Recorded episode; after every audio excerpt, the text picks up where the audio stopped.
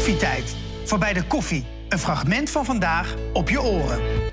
Ontzettend fijn dat je er bent, want dat tent and be friend. Nou, leg dat eens even uit. Ja, Tend Friend is eigenlijk een respons die we in uh, stressreacties geven. Iedereen, als je vraagt welke stressreacties ken je, dan zeggen mensen heel vaak, nou, uh, fight en uh, flight, hè, dus of vechten of hard weglopen. en dan nog bevriezen, fright hebben we dan ook nog. Maar um, eigenlijk is er nog één, en die horen we nooit. En die wordt dus tent and befriend genoemd. Hmm. En wat betekent dat nou, dat tent and befriend? Dat betekent eigenlijk dat je ervoor zorgt ja, dat iedereen het goed heeft... en dat je vrienden maakt. En dat doe je vaak in als je dingen wil uh, deescaleren. En dat is een hele belangrijke. En um, ja, die komt op, dus je zit in een stressreactie. Hè, iemand doet onaangenaam tegen je. En dan komt er gelijk iets bij je naar boven dat ervoor zorgt dat die ander wat milder wordt. Je gaat aardig doen, je gaat misschien een beetje vastpakken. Je gaat misschien aardige woorden zeggen. Of uh, zal ik een kopje thee voor je inschenken? Dat soort reacties. Maar waar komt dat vandaan dan? Nou, dat is een vrij logische reactie. Wij mensen die hebben meer dan alleen maar spieren waarmee we kunnen vechten of kunnen eh, weglopen.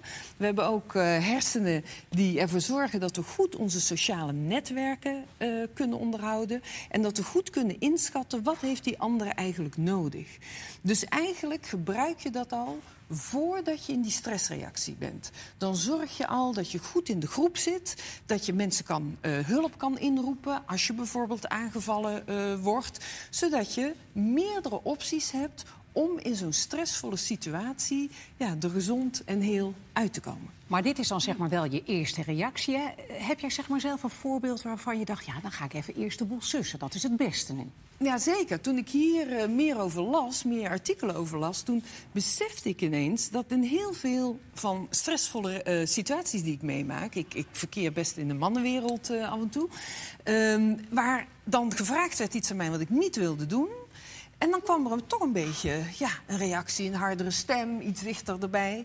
En dan was die eerste neiging, omdat in vrouwenhersenen allerlei stresshormonen dan vrijkomen, van dat de-escaleren. En toen ik mij dat ging beseffen, dat dat eigenlijk een reactie was die heel vaak naar boven kwam, toen dacht ik, oh, maar ik heb heel veel meer keuzes. En in sommige situaties, nou, ga ik dan ook eerder van, wat maak jij me nou? Wat is hier nou aan de hand? Enzovoort. Mm -hmm. uh, en op het moment dat je dat beseft, dat je kan kiezen, mm -hmm. dat je niet op die automatische respons hoeft te gaan, mm -hmm. ja, dat maakt je gedrag wat vrijer. Ja.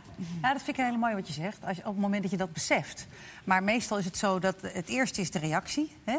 En dat je je dan pas beseft van, hé, hey, ik, ik, ik kan ook anders kiezen. Hè? Ja. Je kan ook nog een keer opnieuw kiezen. Maar kan jij er dan kan jij er hier een waarde zeg maar, aan hangen? Daarmee bedoel ik uh, dat tend en befriend. Is dat, is dat goed? Is het slecht? Hoe, hoe, hoe kijk je ernaar? Het is goed en slecht. Ja. Het, uh, het gaat erom dat je nu verschillende manieren hebt om om te gaan met een stressvolle situatie. Mm -hmm. Dus je kunt overgaan tot vechten.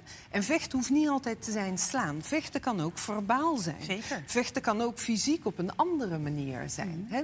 Vechten kan ook laten zien dat je meer macht, meer status enzovoort hebt... als het nodig is om op die manier... Het is geen prettige manier, maar soms, zeker om je vege lijf te redden... of om bepaalde doelen die goed zijn te bereiken... ja, zul je soms dingen moeten ja. doen. Ja. Um, dus op het moment dat jij kan kiezen, kun je kiezen dit is de beste voor dit moment. Hmm. En soms is de-escaleren, Mhm. heel vaak eigenlijk, een hele goede keuze. Ja, ja, ja, ja. Maar niet altijd. Maar heb je het ook onderzocht? Zit het bijvoorbeeld ook echt ook in ons DNA eh, als functie van uh, dat, dat vrouwen vroeger meer misschien, hè, miljoenen jaren geleden, beschermd werden en, en, en dat ze niet gewend waren om bijvoorbeeld weg te rennen? Of iets Ja, het idee is wel, maar dat is heel moeilijk aan te tonen, dat als je meer spierkracht hebt, Ja. harder kan lopen en harder kan slaan, Mhm. ja, dat dat misschien eerdere logische reacties zijn Ja. in stressvolle eh, situaties dan als je dat niet kan. En dat als je ja, beter geleerd hebt om eh, to tent, dus te onderhouden en vrienden te maken, dat dat een eh, logische reactie is om Ja. in te zetten. Ik vind het wel mega interessant. Want dat betekent dus dat a- aan de hand van ons gedrag van hele vele jaren...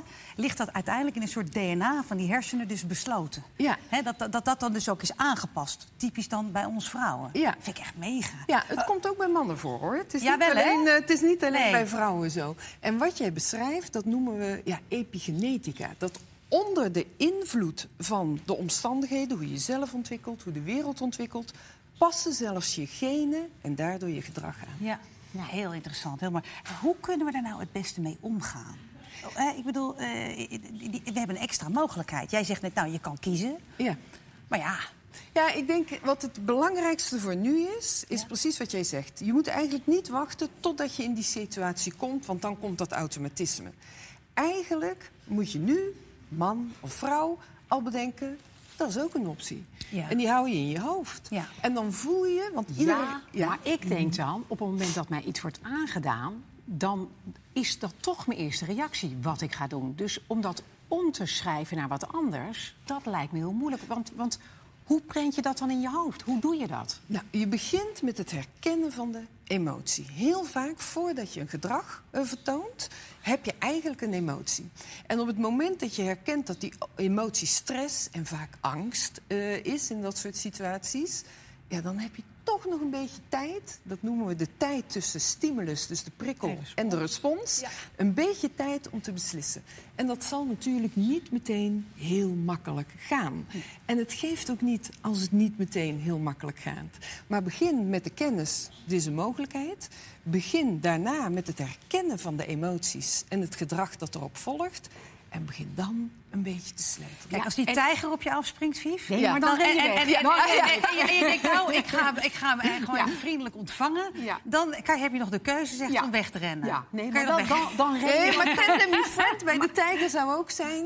ik Ja. geef hem wat anders te Ja, eten. Maar toch denk ik dat er hele aardige zijn. Dat heeft me ook vaak enorm gered juist. Door juist wel aardig te zijn. Dat ik denk, ga jij maar lekker bleren, ga Ja. jij maar lekker doen. Ja. Ik blijf aardig. Maar Dus- bijvoorbeeld in een salarisonderhandeling... Nee, daar ben ik slecht in. kan het misschien een beetje Ja, anders. hè? dan moet Dan- je meer de vuist op tafel. Ja, in ieder geval zeggen, dit wil ik Ja. niet, dat wil ik wel. Nou, en als het om mijn kinderen gaat, durf ik echt een leeuwin te zijn. Gaat het om mezelf, wat volgens mij heel veel vrouwen herkennen... dan denk je, is altijd moeilijker, hè? laat maar. Ja, Ja. Dat is, dus dat moeten we echt wel gaan leren. En dan moeten we dus dat, dat, dat tent en befriend, die moeten we even opzij gooien. Niet altijd, want soms is het echt een goede methode, maar soms wel. Soms is het gewoon, dat wil ik niet. Wat maak jij me nou? Ja, je maak een keuze. Ja, mooi. Maak een keuze. We hebben een keuze. Ben ik hier.